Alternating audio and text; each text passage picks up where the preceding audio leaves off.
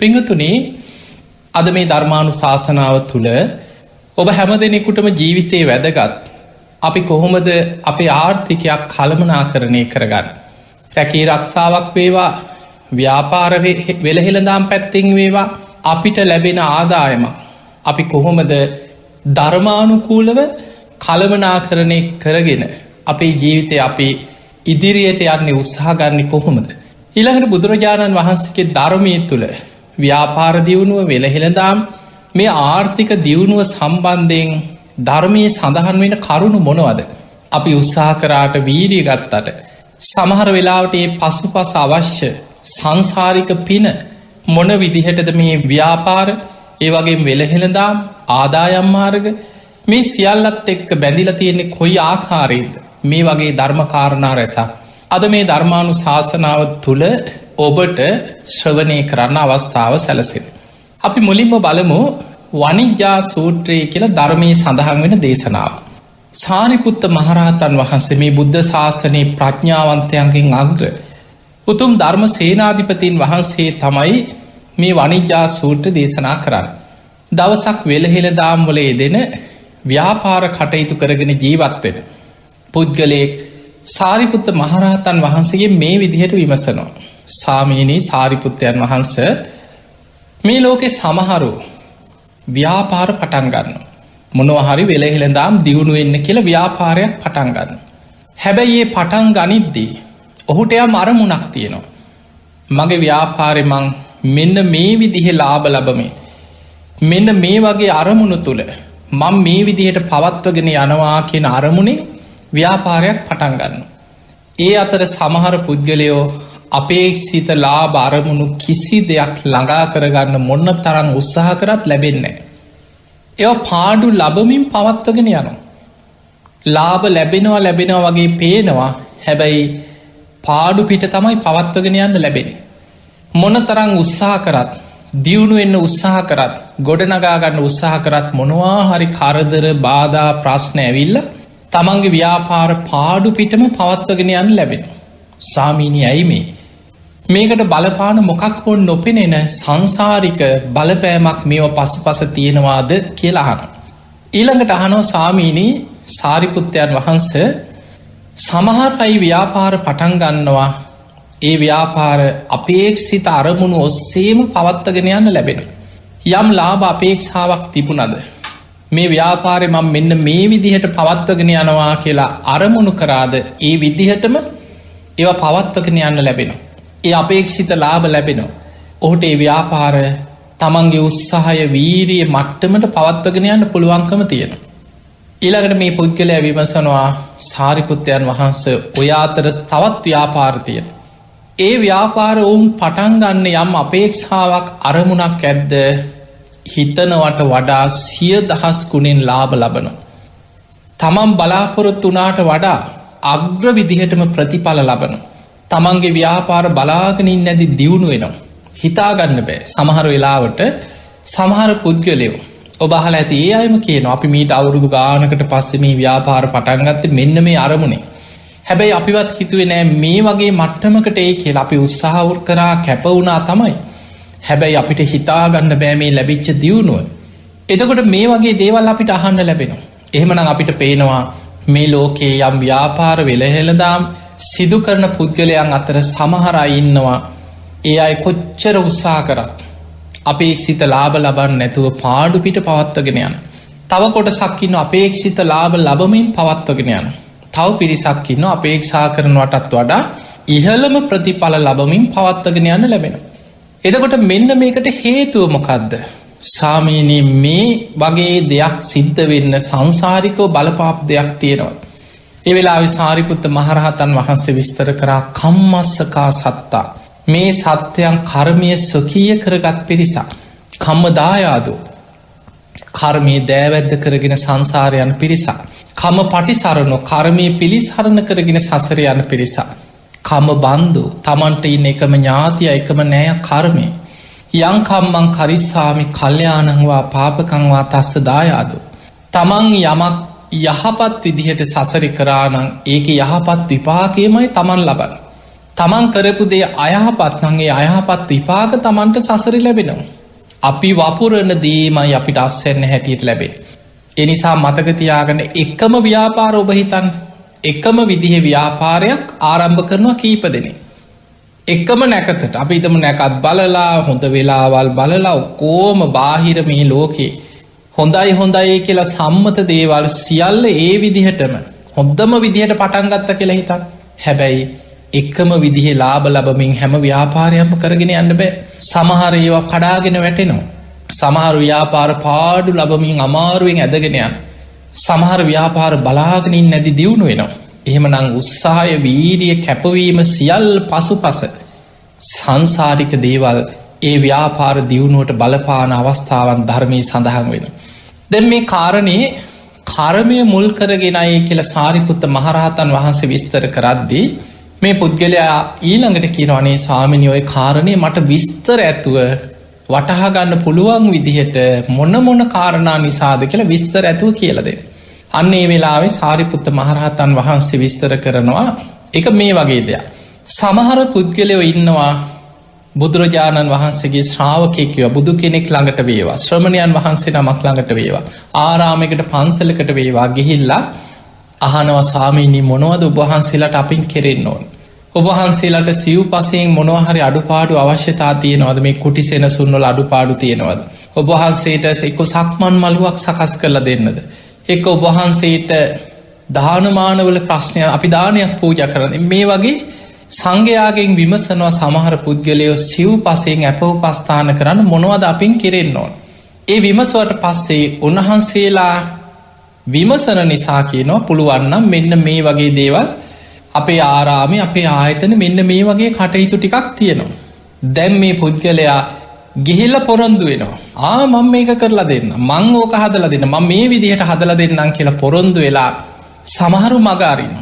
සමාරු පොරොන්දු වෙච්ච නිසා මේක කරන්න ඕන නිසා බාලම විදිහට වැඩේ කරලා එතනින් මගහරින්. අර පොරොන්දු වෙච්ච විදිහට ඉෂ්ට කරන්නේ නෑ. ඒක යම් ඉෂ්ට කරත් ඒක අඩුපාඩු ඇතුව ඉෂ්ට කරනවා.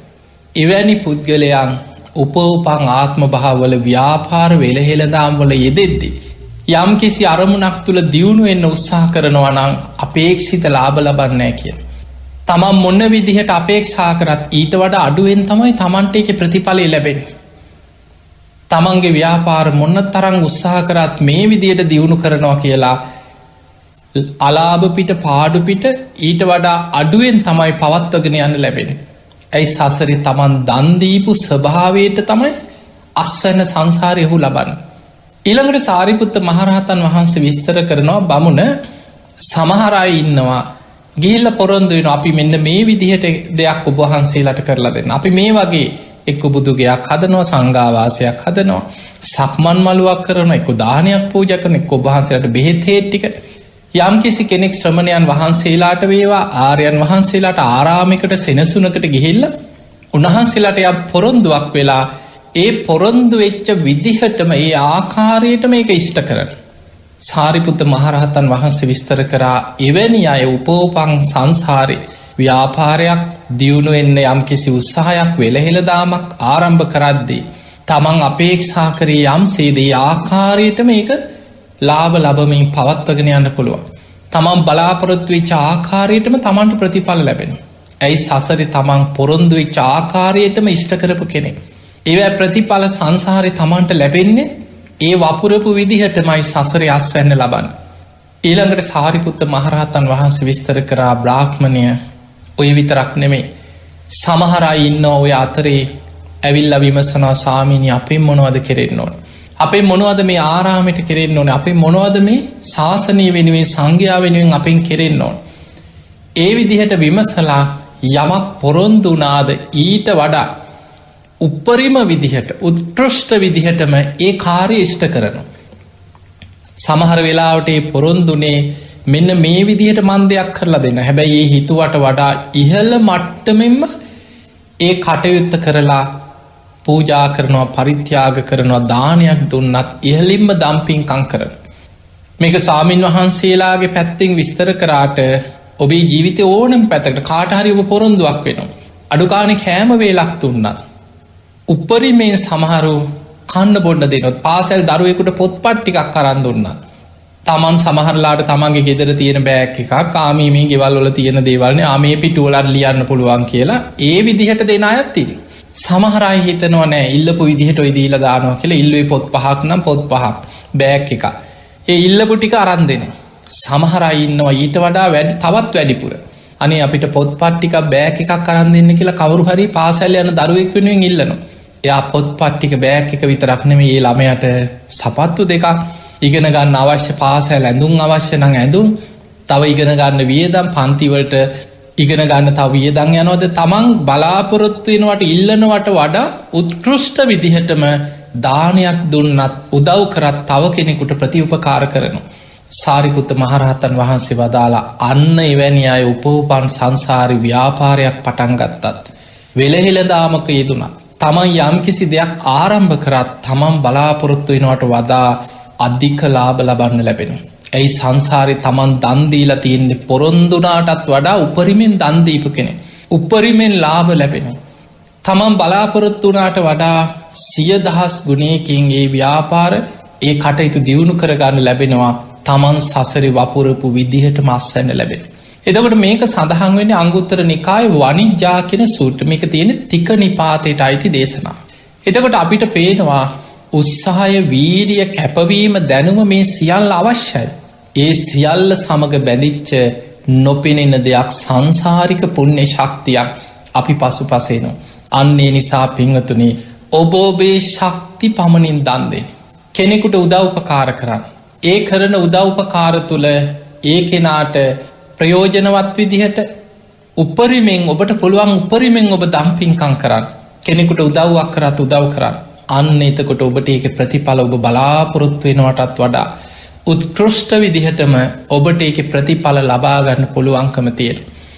පිංහතුනේ අපේ ජීවිතවල ඔබ මොන්න මට්ටමෙන් හිටිය. සමහර වෙලාට කෙනෙකුට හිතෙට පුළුවන් දැන්නම් අපිෝ වට්ටන්න බෑ කාටවත්. එහෙම හිතනයින්න. සමරලාට පොතේ සල්ලි ටිකක් වැඩිපුර ඉතුරු කරගෙන තියෙනවන. යානවාහන කීපයක් තියෙනවන. තැන්තැන්ගොල ඉඩකඩන් කීපයක් අරගෙන දාලා තියෙනවන. සමහරලාට ව්‍යාපාර වෙලහෙන දාම්වලින් යම් ආදායමක් උපදවාගත්ත කෙනෙක් හිතනවා දැන් ඉතිං අපි ස්ථාවරයි. දැන් අපිය වට්ටන්න පුළුවන් ජාකතෙක් නෑ. දැන් අපි තමයි මිනිස්සු කියලා හිතනයින්න. හැබැයි මතක තියාගන්න එක ලෙඩකින් එක රැයින් සියල්ල කඩාගෙන වැටෙන්න්න පුළුවන්. ජීවිතයේ මහා දනවත් සිටුවරු අවසාන කාත් කවුරුත් නැතුව මහාපාරවල් වල මිය යන මියගිය සිදුවීන් අපිට ඉතිහාසෙ ධර්ම ග්‍රන්ථවල විතරක්ම ඉතිහාසි පවා. මෑත වර්තමාන ඉතිහාස පසුගිය කාලවල පවා මේ ලෝක ඇතිවෙච්ච භූමිකම්පා විපත් සුනාමි වගේ වියසන ගිනිකඳු පිපිරීම් යුද්ධ කෝලහල මේ වගේ දේවල්වලදී ඔබ ඕන තරඟ අත්දැකළ ඇති. එනිසා කවදාවත් ඔබ ධනයෙන් ඔළුව ඉදිමවා ගන්නට එපා. ඔබේ තියෙන බෝග සම්පත් සැප සම්පත් දැකලා මම තමයි කෙරුම කියලා ඔළුව ඉදිමෝගන්න එපා. අපි දන්නේ නෑ එක්ක රැයින් සියල්ල කඩා වැටෙන පුළුව. රජකමේ හිටියත් බුදුරජාණන් වහන්සේගේ කාලෙ කොසොල් රජ්ජුරෝ යැන දඹදිව ප්‍රබලම පාලකයා. හැබැයි මැරුණෙ කාත් කවුරුත් නැතුව අම්බලමක. ඒ නිසා මොන්න තරම් ප්‍රබල මට්ටමේ මොනතරම් බලයක් ධනයක් මොනවත් තිබුණත් ඒ සියල් අහිමි වෙන්න එක රැයක් ඇති. සමාලාට පැය කීපයක් ඇති එක මොහොතක් ඇති. ඒ සියල් අහිමි වෙලා නොසිතන විදිහට ඒ සියල්ල කඩාගෙන වැටෙන් පුළුවන්. එනිසා පිංහතුනේ උත්සාහය වීරිය නුවන මේ සියල්ලම එක්ක පෙරපින කියන එක අපට බලපාන. ඔබ දන්නවා මේ බුද්ධ ශාසනය තුළ අංග්‍රදායකයෙක් හිටිය. අනාත පින්ඩික සිටතුමා. මේ අනාත පින්ඩික සිටතුමා ගැන ඔබ බොහෝ කාරණා ධර්මය අහල ඇති. කෝටිපතියක්කේ කෝටිපතියෙක් නිසා තමයි පනස් හතර කෝටියක් වියදං කළ ජේතවනය හැදුවේ. සල්ලිනත් නං එහෙම කරන්න බෑ. දැම් බලන්න කෙනෙක් ධාර්මිෂ්ටව ව්‍යාපාර කරලා වෙලහෙළදාම් කරලා යම් කිසි ධනයක් උපදවනවද? ඒ ධනය තුළ තව කී දෙනෙකුට යහපතක් උදා වෙනවා. අනාත පින්ඩික සිටුතුමා නම් වෝ ඒ තනි පුද්ගලයා නිසා ඇත්තට මොහුගේ නම සුදත්ත සිටුවරය. හැබැයි නගර මිනිස්සුන්ට හරියට අනුකම්පාවෙන් දන් දෙනවා දන්සැල් පවත්වනවා. දම්පින්කං කරනවා. ඒ නිසාම සමාජ මිනිස්සු ඔහුව හඳුන්නන්න පටන්ගත්තා අනාත පින්ටික. අනයාතයන්ට පිඩු දෙන කෙන අනාතයන්ට නිතර ආහාර පාන දෙන කෙන ඔහු අනාත පින්ඩික ඕගේ ඇත්ත නම සුදත්ත වනත් අනාත පින්ඩික කියලා ඔහු හැදින්නවා. මේ අනාත පින්ඩික සිටතුමා කහවනු දහාට කෝටියක් අතුරලා ඉඩම පිලදීගත් ජේතවන්නේ හදන් සාමාන්‍ය කෙනෙකුට හිතෙන්න පුළන් පිස්සුද මේ මනුස්සයට. මේ වගේ මෙහෙම ඉඩමක් ගන්න. හැබැයි දහාට කෝටියක් කහවනු අතුරලා ඉඩම ගත් තවත් දහාට කෝටියක් වියදං කරලා අංග සම්පූර්ණ ආරාම සෙනසුන් ගොඩනැගිල ඉදි කර බුදුරජාණන් වහන්සේට වහල හතකින් යුක් කොයි දිසාවෙන් හුළං හමාගෙනාවත් කුටිය තුළට සඳුන් සුවඳ එන විදිහට සඳුන් ලීයෙන් වහල හතකින් යුක්ත සත් මහල් සුගන්ධ කුටියක් බුදුරජාණන් වහන්සේ වෙනුවෙන් වෙනම නිර්මාණය කෙරෙවු. සුදු හඳුන් ලීයෙන් සුදු හඳුන් සුවඳ පැතිරෙන විදිහට. ඊළඟට අග්‍රශ්‍රාවකයන් වහන්සේලා අසූ මහශ්‍රාවකයන් වහන්සේලාට ආරාමී දම්සභා මණ්ඩප දානශාලා සක්මන් මලු අංග සම්පූර්ණ ආරාම සෙනසුම් ගොඩනැගි ලිදි කර දහාට කෝටියක් වියදං කළේ කාලෙ රන් කහවනු. ආරාමි පූජ කරන පින්කමටත් ඒ වගේම මුදලක් වියදක් කර. තැන් බලන්න අද වර්තමානය හිතන විදිහට ගත්තොත් සාමාන්‍ය බොහෝ දෙනෙක් ඔබ දැකළ ඇති. ඔච්චර මොකටද පින්කං ඔල්ට වියදං කරන්න අපරාදෙන. අනාත පින්ඩික සිටතුමා දහාට කෝටියක් අර ජේතවනේ ගොඩනැගිල් ඉඩම ගන්න ගිය මුදල වගේම. ගොඩනැගිලි හදන්න ගිය මුදල වගේම මුදලක් වෙන් කරා ඒ ආරාමි සඟ සතු කරලා පූජ කරන දවසේ උත්සවයට පින්කමට නගරෙම සැරසුව කොඩි සේසත් දජ පතාක නංවල පාරවල්වල සුදු වැලි අතුරල නගරි සැරසුව. ඒ සරස්ව විතරක් නෙමේ නගර ඉන්න දුගී මගේ යාචකයන්ට එදා දංවැටවල් පැවැත්ව හැම්ම තැනම මිනිස්සුන්ට කන්න බොන්න දුන්න දන්සැල් දුන්න. පෙරහැරවල් පවත්වල බොහොම ගෞරුවෙන් බුද්ධ ප්‍රමුඛ සංඝයා පෙරහැරි ජේතවන පෙම්වීමට වඩම්මලා රන් කෙන්ඩියකින් තතාගතයන් වහන්සේගේ ශ්‍රී හස්තයට පැන්වක් කරලා ඒ ආරාම ගොඩනැගිලි ඇතුළු ජේතවන පිම්බීම බුද්ධ ශාසනයට සඟ සතු කරලා පූජා කරා ඔක්කෝම මුදල පනස් හතර කෝටිය. එතකොට ඒ තරන් ධනයක් වියදං කරල ආරාමයක් කරවල ශාසනයට පූජ කරන්න ඔහුට සල්ලි තියෙන්න්න පැ ඔහු කෝටිපති. නගරේ හිටිය ධනවත්ම සිටුවරය. දැ බලන්න එදා දඹදිව සොලොස් මහා ජනපද අතර ප්‍රබලම විශාලම රාජ්‍ය කෝසල රාජ්‍ය. ඒ කොසොල් රට කොසොල් රාජ්‍යයේ ධනවත්ම කෙනා තමයි සිටු තනතුර ලැබෙන. පලවෙනි සිටුවරයාවෙන ඊළඟ ධනවත්ම කෙන දෙවනි සිටුවරයාව ඊළඟ ධනවත්ම කෙනත් තුන්ගනි සිටුවරයන අද සාමාන්‍යයෙන් අද වනත් නික සාමාන්‍ය බලන්න අද සමාජී රටවල් වල කියන්නේ අද ලංකාවන්න ඉහළම කෝටිපති අංක එකේ නම අංක දෙකේ නමයා තමයි වත්කන් තියෙන තුන්ගෙනියන් ඊළඟට සමාර්ගන මේ තමයි ආසියායම ධනවත් කෙන. මේ තමයි ලෝකෙම ධනවත් කෙන. අංක එකේ ලෝකෙ වැඩිම ධනයක් තියෙන කෙනා. එතකොට ඒ වගේ එදා බුදුහාන්දුරන්ගේ කාලෙ ඒ ඒ රාජ්‍යවල සොලස් මහ ජනපද හැටියට තිබිච්ච ඒ රාජ්‍යවල වැඩ්ඩිම ධනයක් තිබ්බ කෙනා හැඳින්නවා පළවෙනි සිටුවරය. එතකොට එහෙමට එදා සැවැත්නුවර ප්‍රධාන සිටුවරේ අනාත පින්ඩික සිටතුමා. හැබැයි මතකතියාගන්න සිටු තනතුරු සල්ලි ධනය බලය ඔය මොනවත් තිබුණත් ඒවා එක්ක රයින් කඩා වැටෙන්න්නත් පුළුව. පොසොල් රජ්ජුරුවන්ටත් මහපාරය අම්බලමක මැරෙන්න්න වනානම් එනිසා මතකතියාගන්න ලා බලාභ සැපදුක යසායස නින්දා ප්‍රසංසා අටලෝ දහමත් එක්ක යන සංසාර ගමනක් මේ. අනාද පින්ඩික සිටතුමාට හැමදාම ඔයි ලැබීම හැමදාම ව්‍යාපාරවල දියුණුව දවසෙන් දවස බලාපොරොත්තු විදිහටම පවත්තගෙන යන්න ලැබුණෙත් නෑ. පින තියෙනකන් අර සංසාරය පින බලවත්ත තියෙන තාක්කල් පිනෙන් ඒ ලැබීම තියෙනවා. හැබැයි අපි කාගෙත් ජීවිතවල පිනේ විපාක වගේම පිනගෙවිල අවසන් වෙනකොට සසර කරපු කර්ම විපාක බලවත්වෙන කාලේනවා.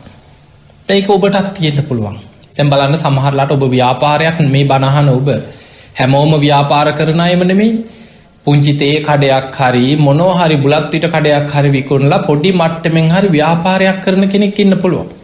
ඉහළ මට්ටමෙන් කරන කෙනෙක් ඉන්න පුළුව මහා ලොකු ව්‍යාපාර සයෝකයෝ සිය දහස ගනගෙන ව්‍යාපාර කරන කෙනෙක් වෙන. රස්සාාවක් කරන කෙනෙක් වෙන්න පුළුවන්. රජයේ රස්සාාව කවුරු හරි යටතේ රැකියාවක් කර. ඒ රැකියාව කරත් බලන්න සමහරයට බොහොම සතුටෙන් රස්සාාව කරන ඒ ආයිත නිසාමියා වෙන්න පුළුවන්. අනෙක් සේවකයෝ තමන්ට ඉහළ නිලධාරින් හැමෝම තමන්ට ගරු කරනවා. තමන් වගේ කරනවා. තමන්ට රැකියාව උසස්වීන් ලැබෙන තමන්ට මිල මුදල් ඒ සතුට රස්සාාව නිසා යම් තෘප්තියක් සතුටක් ලැබෙනවනම් තමන්ගේ රැකී රක්ෂාව තුළ එක ඉහලෙන් ලැබෙන කාලතිය හැබැයි තමන්ගේ පෙර අකුසල් බලවත් වෙන කාල එනකොට ආයතන ඉන්න ඉහල ප්‍රධානීන්ට තමන්ව පෙන්න්න බෑ. මෝ කොච්චර හොඳ කරත් වැරැද්දමයි පේෙන් සමහරලාවට ස්ථාන මාරුවීම් දෙනවා. සමහරලාවට දඩුවන් හැටියට ආයතන මාරුවීම් ලබා දෙෙන සමාලාට පඩියනුත් කපනවා.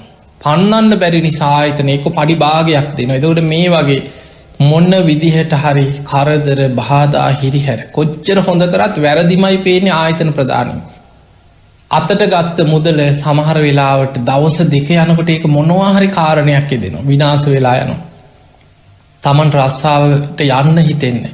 අනි සේවකයෝ දකිනකොට එපා වෙනවා කල කිරෙන එතකොට මේ වගේ අකුසල් බලවත් එනකොට ඒ වගේ කාලයනවා කෙනෙකුට.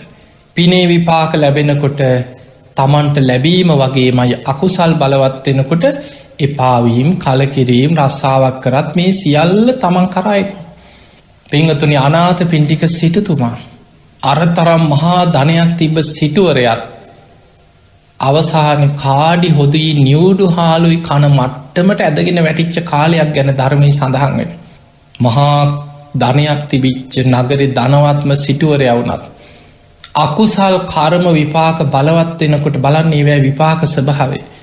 ගංගාව අචිරවතී ගංගාව අහිනේ ඔහුගේ කහවනු ගබඩාවක් තිබ. ආරක්ෂිතව තමන්ගේ ධනය ගබඩා කරපු ඉස්සර බොහෝ වෙලාවට මේ බැංකු පද්ධති බැංකුවල දාලා සල්ලි තියාගන්න ක්‍රමවලට වඩා මහා දනවත් සිටුවරු තම තමන්ගේ ආරක්ෂිත ගබඩාවල් තැන් තැන්වල පාවිච්චි කරා තමන්ගේ ධනේ රන්කාවනු ගොඩ ගහලා කාලයක් තියාගන්න. අචිරවතී ගඟායින තිබිච්ච කහවනු ආරක්ෂිතව තිබිච්ච ගබඩාවක් හිත්තපු නැති විදියට මහා වර්සාවක් එක්ක ගංවතුරක් ගලලා ගං යුරු කඩාගෙන ගිහිල්ල අර ගබඩාව කැඩිලා අර කහවනු කෝඩි ගානක් ගගේ ගහගෙන ගියා තමන්ගේ නරක කාලය එනකොට ඒ වගේ දේවල් සිද්ධ වෙන. ඒ කාලේ අනාත පින්ඩික සිටතුමා බොහෝ පිරිසකට මුදල් තම තමන්ගේ ව්‍යාපාර වෙනුවෙන් අවශ්‍යතා වෙනුවෙන් මිනිස්සුන්ට සාධාරණ පොලියකට නයට දීලා තිබ. ඔහු පොලියට දීලා තිබ්බා. මතක තියාගන්න අනාත පින්ඩික සිටතුමා කියන්නේ මුදල් සාධාරණ පොලියක් තුළ නයට දෙන කෙනෙක්. තැන් කෙනෙකුට හිතෙන්න පුළුවන් මේ සෝවාන් වෙච්ච කෙනෙක්ල්ලු බුදු හාන්ද්‍රන්ගේ අග්‍ර දායකයාලු මේ පොලියට දෙන එක හොඳද කියලා. ඒක නරකක් නෙමේ. බුදුරජාණන් වහන්සේ කොතනවත් එහෙම දෙයක් එපා කියලා නෑ මතක තියාගන්න එනම් බැංකුවල කෙරෙන්නෙත් ඒකන එනම් බැංකුව රසා කරන්නත් හොඳ නෑ බැංකුවක් මොකද කරන්න ඔබේ තැම් පතු අරගෙන ඔබට පොලියක් ගෙවන ඔබට ණය දෙන ඒ අයට පොලියක් අය කරනවා. එතකොට ඒක තමයි බැංකු පද්ධතියක සිද්ධ වෙන කාරණි. තව ඉහලට ඉහලට ඒ බැංකුවලින් ගන්න මුදල්. මහ බැංකුවල බැදුම් කරවල ලෝක බැංකුවල තව ඉහල තැන්වල ආයෝජනය කරලා ඒ ලැබෙනදේ සාමාන්‍ය මිනිස්සුන්ට ලබා දෙනවා. බැංකුවත් යම් මුදලත් යායට එතවට මේ වගේ තමයි අය දෙන ආයතන බැංකු පද්ධති ලෝකේ ඒ පවත්වන්න. එතකොට ඒ කාලේ සිටුවරු තමයි මේ කටයුතු කරේ මහා දනවත් අය තමයි මිනිස්සුන්ගේ අවශ්‍යතා වෙනුවෙන් මුදල් නයට දුන්න සාධහරණ පොලියක් අය කර අනාත පින්ඩික සිටුතුමා කෝටි ගානක් මිනිස්සුන්ට ඒ වගේ නයට දීලා මිනිස්සු නයවාරික සහ පොලි නිසි පරිදි ගෙවගෙව හිටිය. අකුසල් බලවත් එෙන කාලේ එනකොට නයට ගත්ත මිනිස්සුත් මග ඇරිය. එක්කෙනෙත් දෙන්නෙක් නෙමෙයි මිනිස්සුන්ට හිතෙන්නෙමනෑ නය දෙන්න දැ. පොලිය දෙන්න ති අඩුගානේ නය මුදලගෙ වන්නෙත් නෑ සිටතුමා එනකොට මගාරින්. දැන් කහවනු ගබඩා පිටින් කඩාගෙන ගියා වතුරි හරි ගහගෙන යනවා නයට ගත්ත මිනිස්සුත් දැන් අයි නොදී මගහරිනවා එදිනෙදා කරපු ආදායන් ලැබිච්ච ව්‍යාපාර ටික ටික කඩාගෙන වැටිල්ල වැටිල්ල වැටිලා අමාරුම මට්ටමකටාව. හැබැයි එහෙම එනකොට තමන් ළඟ යම් දෙයක් ඉතුරු කරගෙන තිබ්බනං ඒ මුදලත් ඉවර වෙලා ඉවර වෙලා අඩු වෙලා අඩු වෙලා රන් කහවනු පිරිච්ච ගබඩාවල දැන් තඹයක් නැති මට්ටමට පත් වුණා. කහවනු අවසන් වුණා. දැන් වෙනද වගේ තමන්ට අත දිගහැරල පින්කං කරන්න වියදන් කරන්න පුළුවන්කමක් නෑ සල්ලි නෑ දැම් බොහෝම දුප්පත් මට්ටමකට පත් වුණ. හැබැයි මතකතියාගන්න අනාත පින්ඩික සිටුතුමා. ජේතවන පිම්බිම හදල බුදුරජාණන් වහන්සේට පූජා කරපු දවසේ තතාගතයන් වහන්සකින් ඉල්ලීමක් කර. සාමිනී භාකතුන් වහන්ස මගේ නිවසට මේ ජේතවන පිම්බිමේ වැඩඉන්න දහස් කනන් සංඝය අතරින් පන්සීයක පිරිසක්වත් මගේ නිවසට දානය පිණිස නිතර වඩින සේක්වා ඔබහන්සේලා වැඩියා හෝ නොඇබිය සංඝයා වෙනුවෙන් මම දානශාලාවක් සකස් කරලා නිවස ඉදිරියේ දානි සූදානන් කරලා තියෙන උන්වහන්සේලා ඉදාට වැඩිය නැත්තොත් ඒක දුගී මගේ ආචකයන්ට හරි දම් දෙනම් කාටහරි එක දෙනවා. සංඝයා වෙනුවෙන් වෙන් කරලා බලාගෙන ඉන්න උන්වහන්සේලා වඩී කියල. එනිසා බොහෝ සංඝයා නිරන්තරයෙන් අනාත පින්ඩික සිටුතුමාගේ සිටු නිවසට සංඝයා කොටසක් නගර පින්ඩ පාති වඩින සංඝයාගෙන් පිරිසක් නිවසට දානට වැඩිය දින පතක්. සල්ලි තියෙනකොට ධනය තියෙනකොට ප්‍රනීත විදියට දන් දුන්න. ඒ කාලේ ප්‍රනීත අදාපික සාමාන්‍ය මිනිස්සු ගැන සුපිරි කෑම කියල. ඒ කාලවල සිටුවරු ඇල්හාලි බත් එක්ක සූප ව්‍යෑන්ජනත් එක්ක ප්‍රනීත විදිහට දන්දීලා තියෙන. හැබැයි තමන්ගේ ව්‍යාපාර කඩාගෙන වැටිල්ල වැටිල්ල වැටිලා ආර්ථිකය කඩාගෙන වැටිල්ලා ප්‍රශ්න එනකොට දන් දෙන එක නැවැත්වෙන. තමන්ට පුළුවන් විදියට වෙනදා වෑන්ජන පුරෝගෙන මේස පිරෙන්න වෑන්ජන තියාගෙන කාපු සිටුවරයක් දැන් කාඩිහොදී නිවුඩු හාලු දැන් කන්නේ. බොහො මමාරුයි දැන් කාඩිහොදී නිවුඩු හාලු. ඒ විදිහටම තමන් කන විදිහටම තමන්ට කොච්චර අමාරුනත් ඒ විදිහටම සංඝයාටත් අන්දුම්. වෙනද ප්‍රනීත විදියට දන් දුන්න දැම් පුළුවන් විදියට තමන් කන විදිහට දන් දෙෙන. දවසක් භික්‍ෂූන් වහන්සේලා පිරිසක් බුදුරජාණන් වහන්සේ මුණගැහිලා වන්දනා කරලා තතාගතයන් වහන්සගේ ඉල්ලීමක් කර. ස්වාමිනී භාකිතුන් වහන්සේ සිටුතුමාට දැන් අමාරු කාලයක්. සිටතුමාගේ ව්‍යාපාර වැටි ලබු ගොඩක් ප්‍රශ්නවල ඉන්න අනාත පිණ්ඩික සිටතුමා. එනිසා දිනපතා මේ තරන් සඟ පිරිසක් සිටු නිවසට පිණ්ඩ පාති වඩිනකොට සිටුතුමා තවත් අපහසුතාවට පත්වේ. එනිසා ස්වාමිනි අපි සිටු නිවසට පිණ්ඩ පාතයක් නැතුව වෙන ප්‍රදේශකට පිණ්ඩ පාති වඩින්නම්. ඒවෙලි බුදුරජාණන් වහන්සේ මහා කාරුණික බුදු කෙනෙ. එක දංහැන්දක විපාකි සසරේ ලැබෙන ආනි සංස බුදුහාන්දුරුව දකිනව බුදු ඇසි. ඒ බුදුරජාණන් වහන්සේ වදාලා මහණනේ එහෙම හිතන්ඩ එපා. සිටුතුමා දන් දෙන්නේ සද්ධාවෙන්මයි. සිටතුමා පුළුවන් විදිහට දන්දේ කාඩිහොදී නිවුඩු හාලු ටිකක් හරි දන්දේ. ඒ දෙනදේ පිළිගන්න. සිටතුමාගේ නිවසට වඩින්න. සිටතුමා දෙන්නේ එක බත් හැන්දද. කාඩි හොඩිතිකද කැඳ චුට් අදේ දාහම්බෙන් ලැබෙනදේ වෙනද වගේම සතුටු සිතින් පිළිගෙන ප්‍රත්්‍යවෙක්ෂා කළ එක වලඳන්න. බලන්න බුදුරජාණන් වහන්සේලා මහා කාරුණිකයි. දැ සාමාන්‍ය කෙනෙකුට හිතෙන්න්න පුළුවන් දැන්ගේ පුද්ගලයාට ගොඩක් ප්‍රශ්න තියෙනවා දැන් ඒ ගෙදරට පින්ඩ පාතේ වඩින්න හොඳ නෑ ඇත්තටම පින්ඩ පාතේ වඩින්න බොහෝ වෙලාවට භික්‍ෂූන් වහන්සේලා තව කෙනෙක්ගෙන් දෙයක් පාත්‍රයට ලබාගන්න නෙවෙයි.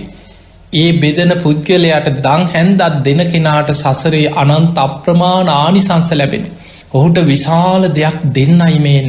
ඒ නිසා දානය කියලා කියන්නේ සංසාරයට නිධානයක් තැම්පත් කරනවා වගේ මහ විශාල පිනක්.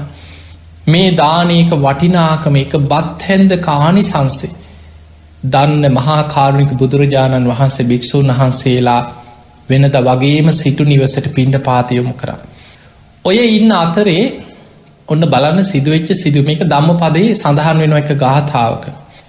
සිටතුමාගේ නිවසට ඉහල අහසේ විමන් කරගෙන හිටියා මිත්‍යා දෘෂ්ටික දේවතාවයක් දිව්‍යාංගනාවක් හැබැයි මිත්‍යා දෘෂ්ටිකයි එකන් මිත්‍යා දෘෂ්ටික කියන්නේ කර්ම කරම් පල පිම් පවදානයක විපාග ගැන විශ්වාසයක් නෑ පෙර සසරේ කරපු මොකක් හෝ පිනකින් දෙව්ලෝක ඉපදිලා දෙව්ලෝ කියන්න ඉහල දිවිය තලයක් නෙමේ බූමාටු දෙවියන් අතර අහස විමානයක් මවාගෙන සිටු නිවසට ඉහළ අහස විමාන් කරගෙන ඉන්න දේවතාවය.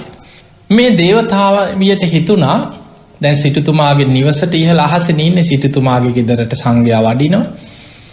දන් දෙනවා. ඒවට කැමති නෑ. කැමති නැති වෙනකොට ඒ විමානෙන් යන ගිහිල්ල යුල පස්සෙ විමානයට එනවා.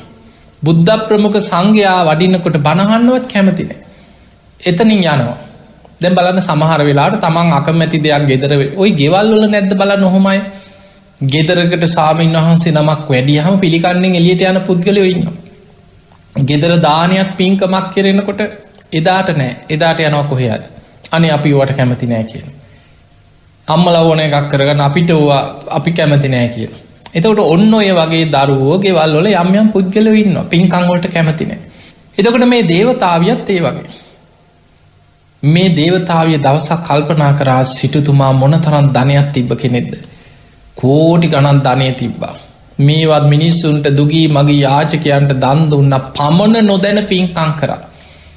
දන්දීලා දන්දීලා අවසානය ඕන් දැන් වෙච්චද දැන් ඔයදේ මිනිස්සුත් ඔහොම කියනවා සමහරයි ගොඩා පින්කං කරලා යම් යම් ප්‍රශ්න එනකොට මිනිස්සු ඔය කතාවම කියනවා.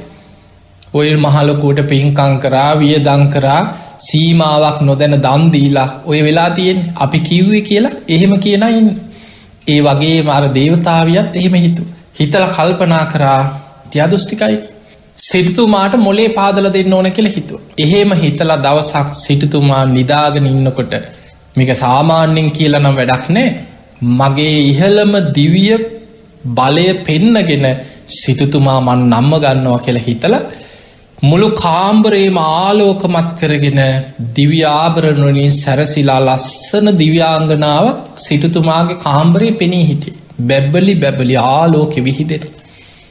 සිටතුමා ඇහුවක් කවුදෝබ. ඒ වෙලාවෙ කිව්වා සිටතුමනි මං ඔබේ නිවසට ඉහල අහසේ විමාන් කරගෙන ඉන්න දේවතාවයයි කියව. ඒ වෙලාවෙ සිටතුම ඇහුවා දෙවදුව ඔබ කුමක් නිසාද මා ඉදිරියේ මෙහෙම පෙනී සිටිය. ඒ වෙලේ කිව සිටතුමනි ඔබට අවවාදයක් කරන්න මෙයාව. අවවාදයක් දෙන්නාව කියෝ. මතකතියාගන සිටතුමා සෝවාන් වෙච්ච කෙනෙ. බුදුරජාණන් වහන්සේ මුණගැහිච්ච පලවෙනි දවසෙමයි බණහලා අනාත පින්ඩික සිටතුමා සෝවාන් පලට පත්වනි. සෝවාන් කෙනෙක් යන බුද්ධය අවිච්චක් ප්‍රසාදේ. දම්මේ අවිච්චා ප්‍රසාදය සංගේ අවිච්චා ප්‍රසාදය ආර්ය කාන්ත සීලයෙන් යුක්තයි. එයාගේ සද්ධාව කාටවත් දෙවියෙක් බ්‍රහ්මයෙක් ක්‍රයා මාරයටවත් ඒ සද්ධාව සොලවන්න බෑ සෝවාන් වෙච්ච කෙනෙගේ සද්ධාව. අනාත පින්ඩික සිටුතුමා කියනවා හොඳයි දෙව්දුව. ඔබ කැමති දෙයක් කියන්න කැමති අවවාදයක් දෙන්න. හැබැයි ඔබේ අවවාදේ ධර්මයට එකඟ නං විතරයි කියව මං පිළිගන්න. අහගෙන ඉන්න.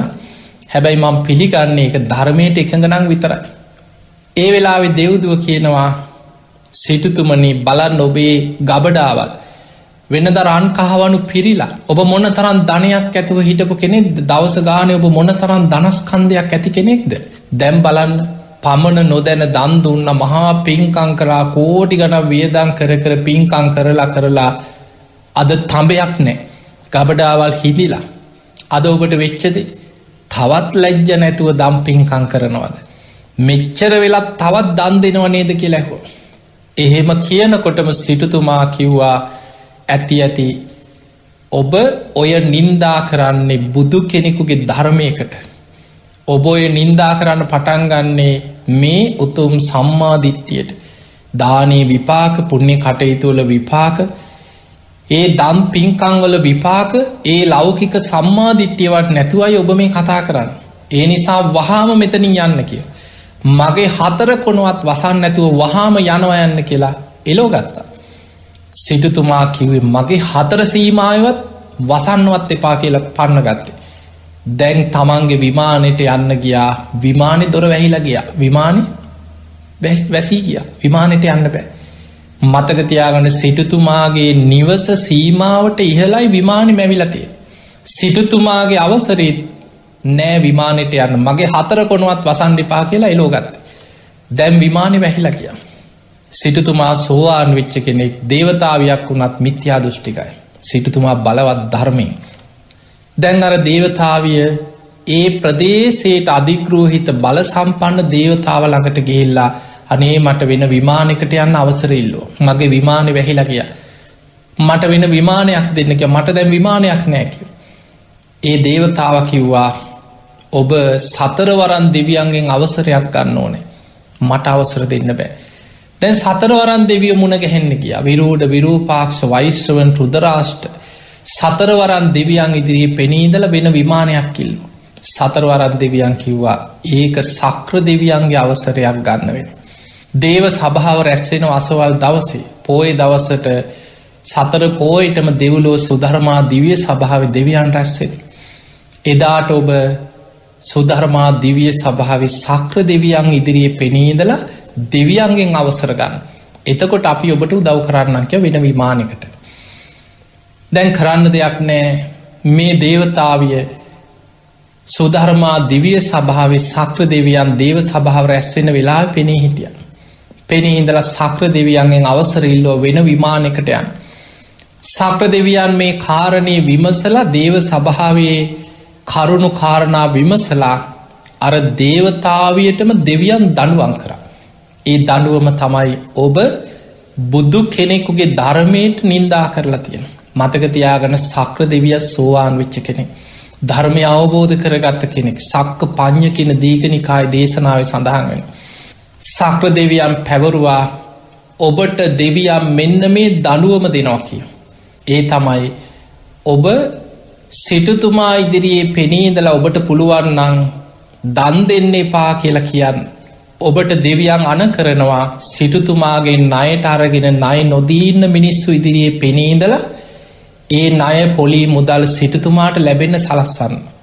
අන්න දෙවියන්ගේ දඩුවන්. තැන් ආය ගිහිල්ලා නයකාරය ඉදිරියේ පෙනීදල නයටික සිටතුමාට ලැබෙන්න සලස්සන්නකි. මහා මුහුදට ගහගෙන ගියාර කෝටි ගානක වස්තුව තියෙන. ඒවා දෙවියන් අවසර දෙනවා ඔබට ඔබේ දේව ශක්තියත් සක්‍ර දෙවියන් ඇතුළු දේව සභාව අවසරයක් මත ඔබ ඒ කහවනු සිටතුමාගේ ගබඩාවලට අර ගහගෙන ගිය තැංගොල රැදිලා තියෙන තැංගොලින් ගෙනහල පුරුවන්. මොහොද තියෙනවා වටිනා වස්තු අයිතිකාරයෙක් නැති. මුත්තු මැනික් සක්ෂිලා ආදී වටිනා වස්තුව තියෙනවා මහා සාගරය තුළ ඒවත් ගෙනහල ගබඩාවට පුරුවන්. මේ ඔක්කොම කරලා අනාත පින්ඩික සිටතුමාගේ ගිහිල්ල සමාව ගන්නකි. සිටතුමා සමාව දුන්නොත් ඔබට දෙවියන් අවසර දෙනවා විමානට යන්න ඔන්න දේව දනුව. දැන් අර දිව්‍යාංගනාව අර විදිහටම කරන්න දෙයක් නෑ සක්‍ර දෙවියන් ඇතුළු දේව සභාවි මේ කීමට අනුව නායකාර විදිරියේ පෙනීදල නය ලැබෙන සැල දැම්මන්න නායකාරයෝ පොලි අයි සල්ලි අරගෙන සිටතුමා හොයාගේ නැවිල්ල මුදල් බේරල යනු. සිටතුමාගේ ගබඩා දවසින් දවස රන් කහවනු වලින් පිරිලා යනු. වටිනා වස්තුව මහා මොහොදේ තියෙන ගබඩාවලට පිරුණා. මේ ඔක්කොම දින කීපයක් ඇතුළත සිද්ධ වනා දිව්‍යාංගනාව ආපහු දවසක් සිටතුමා ඉදිරී පෙනේ හිටිය. සිටතුමා ඒ වෙලාව ඇහුවා ආමොකද මේ ආයිත්තාවේ දන් දෙන්න එපා කියන්නද කියලා. ඒවෙලේ කිව්වනේ සිටතුමනි මට සමාවෙන්. මගෙන් වැරැද්දක් වුණා මං වැරදි දෙයක් කිව්වා මට සමාවෙන්න මට සක්‍ර දෙවියන් ඇතුළු දෙවියවරු දනුවමක් පැමිණෙවූ. ඒ දනුවමට අනුව මම ඒ දේ කරා අන්න ඔබේ කහවනු ගබඩාවල් දැම් පිරිලා නයකාරය ඔබට නයමුදල් ලබා දෙනවා. දැම්මට අවසරයක් දෙන්න මගේ විමානට යන්න ඔබ අවසර දෙන්න මට සමාවෙන්න කියෝ. දැම් බලන්න මේ සමාව ඉල්ලන්නේ සිටතුමා ඉදිරියේ දිව්‍යාංගනාව. සාමාන්‍යනික මනුස්සලෝක නං ඔබ හිතන්න නිකං සාමාන්‍ය කෙනෙක් ඉස්සරහා දෙවි කෙනෙක් පෙනී හිටියොත් බඩගාගෙන අනේ දෙව්දුව කියලා පහුදා දේවාලෙකුත් අටෝලයිත. ඒ විදිහට නිකන් දෙවියන් කියපු ගමන් නීච වෙන මිනිස්සුනෙන්නේ. හැබැයි බුදුරජාණන් වහන්සේ සරණ ගිය ධර්මය සරණ ගිය සංඝයා සරණ ගිය කර්ම කරම්පල පිළිගන්න කෙනා බොහොම අභිමානවත්. එහෙම දෙවියන් කියලා තමන්ගේ අභිමානය නැති කරගන්න. කවුරු කීවත් දෙවියෙක් කිව්වත් බ්‍රහ්මයෙක් කීවත්. පලාතම එලිය කරගෙන ඇවිල්ල කිව්වත් මේක ධර්මයට එකඟද කියලා ධර්මය තුළින් ගලපල බලනවා. ධර්මයට එකඟ නම් පිළිගන්න. නැත්නම් දෙවියෙක් වුණත් මේ මිත්‍යා දෘෂ්ටිකයෙක් කියලා ඒක පිළිගන්නේ. සිටතුමා ඒ වෙලේ කිව්වත් දිව්‍යාංගනාව ඔබ සමාව ගත යුත්තෙ මගින් නොවේ. ඔබ නින්දා කරේ ලෝතුරා බුදුරජාණන් වහන්සේගේ බුද්ධ වචනයකට. ඒ පිනට කර්මයට ධර්මයට අයි ඔබ ගැරැහුයි. ඔබ බුදුරජාණන් වහන්සේගෙන් සමාවගන්න එතකොට මගෙන් සමාව ඔබට ලැබෙනවා කියව. මං කැමතිී සිටතුමනි කියව. පසුවදාම සිටතුමා බුද්ධ ප්‍රමුඛ පන්සීයක් සංඝයාට නිවසට දානයට ආරාධනා කරලා ප්‍රනීත විදිහටම දානයක් සූදානන් කරලා නගරේ පාරවල් සරසල දානයට සූදාන වුණා. එදා බුද්ධ ප්‍රමුඛ සංඝය අනාත පිණ්ඩික සිතුතුමාගේ නිවසට වැඩිය අර දිව්‍යාගනාව පෙනී හිටිය.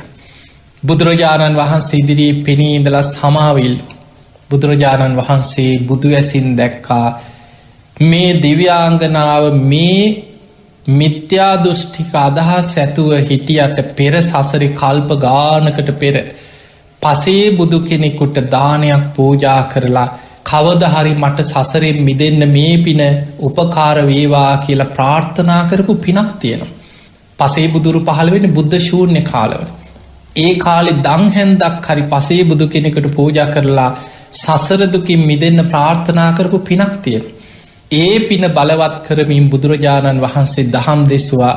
ඒ බණ අවසන් වෙනකොට එදා අර දේවතාවිය උතුම් සෝවාන් පලට පත් වනා මේක දම්ම පදේ සඳහන් වෙන සිදුවීම. එතකොට බලන්න සිටුතුමාට අර නැතිවෙලාගේ අකුසල් බලවත්වෙන කාලෙ සිටුතුමා වනත් කෝටිපතියෙක් වුණත් මොන්න විදියට වැජබිලා හිටිය සිටුතුමාටත් ව්‍යාපාර කඩාගෙන වැටුන නයකාරයෝ නය නොදී මගහැරිය. තමන් උදව් කරපු මිනිස්සුම තමන්ට පිටු පෑව හැබැයි මතකතියාගන්න තමන්ගේ ප්‍රතිපක්ති නැති කරගත්තෙනෑ. සද්ධාවට හානියක් කරගත්තේ නෑ. ධර්මය තුළම පිහිටල හිටිය. ධර්මයෙන් තමන් ආරක්ෂාවට. ඒ නිසාම සක්‍ර දෙවියන් ඇතුළු දෙවිවරු තමන්ට උපකාර කර අන්න ධර්මී හැසිරෙන කෙනාට ධර්මී පිහිට ලැබෙනවා කියන්නේ ඒකයි. ඒ අකුසලේ ගෙවිල අවසන් වෙන්නකොට තමන්ට ක්‍රමයක් පෑදුනා දෙවියන්ට පිහිටවෙන්. සමහර වෙලාවට තමන්ගේ අකුසල් බලවත් කාලි දෙවියන්ට පිහිටවෙන් පරිසරයක් නැතිවෙන්න පුළුව. නමුත් ඔබ ඔබේ ප්‍රතිපක්ති රැකගෙන ඔබේ සද්ධාව රැකගෙන ඔබේ සිල්ගුණ දහම ආරක්ෂා කරගෙන ඔබ ධර්මය තුළම කටයුතු කරොත් ඔබේ අකුසල් ගෙවිලා ඒ පෙර කරපු කවුරුත් කරපු වනෙමේ ඔබ විඳවනවනං ඔබේ ජීවිතය ඔබ පසු පසේනවනම් වෙන කවුරුත් වපුරපු දේවල්න මේ සසරය ඔබම වපුරපු දේවල්. හැබැයි මතක තියාගන්න අකුසලයක් හැමදාම පවතින්නේ විපාකදී ලයිවර වෙනවා. කරපු පිනේ විපාකත් හැමදාම තියෙන්නේ විපාකදී අවසන් වෙන නරක කාල හැමදාම තියන්නේ ඒ කාල ගෙවිලා යනවා. හොඳ කාලයක් ජීවිතය ලැබෙනවා. එනි සාපේක්ෂා නැති කරගන්න එපා. වීරි ඇති කරගන්න. සද්ධාව රැකගන්න.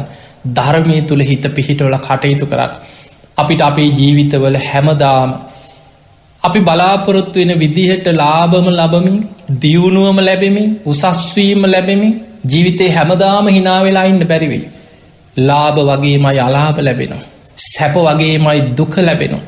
යසස පිරිස වටකරගෙන පරිවාර සම්පත්තිය තිබුණට ජීවිතේ කාලයක් එන්න පුළුවන් කාත් කවුරුත් නැතුව තනි වෙනවා. තමන් ළඟ හිටපු මිනිස්සු තමන් අතහැරලා යන. මේක තමයි ජීවිතයේ ස්භාව ගුණ කියපු මිනිස්සුම තමන්ට නින්දා පහස කරනවා.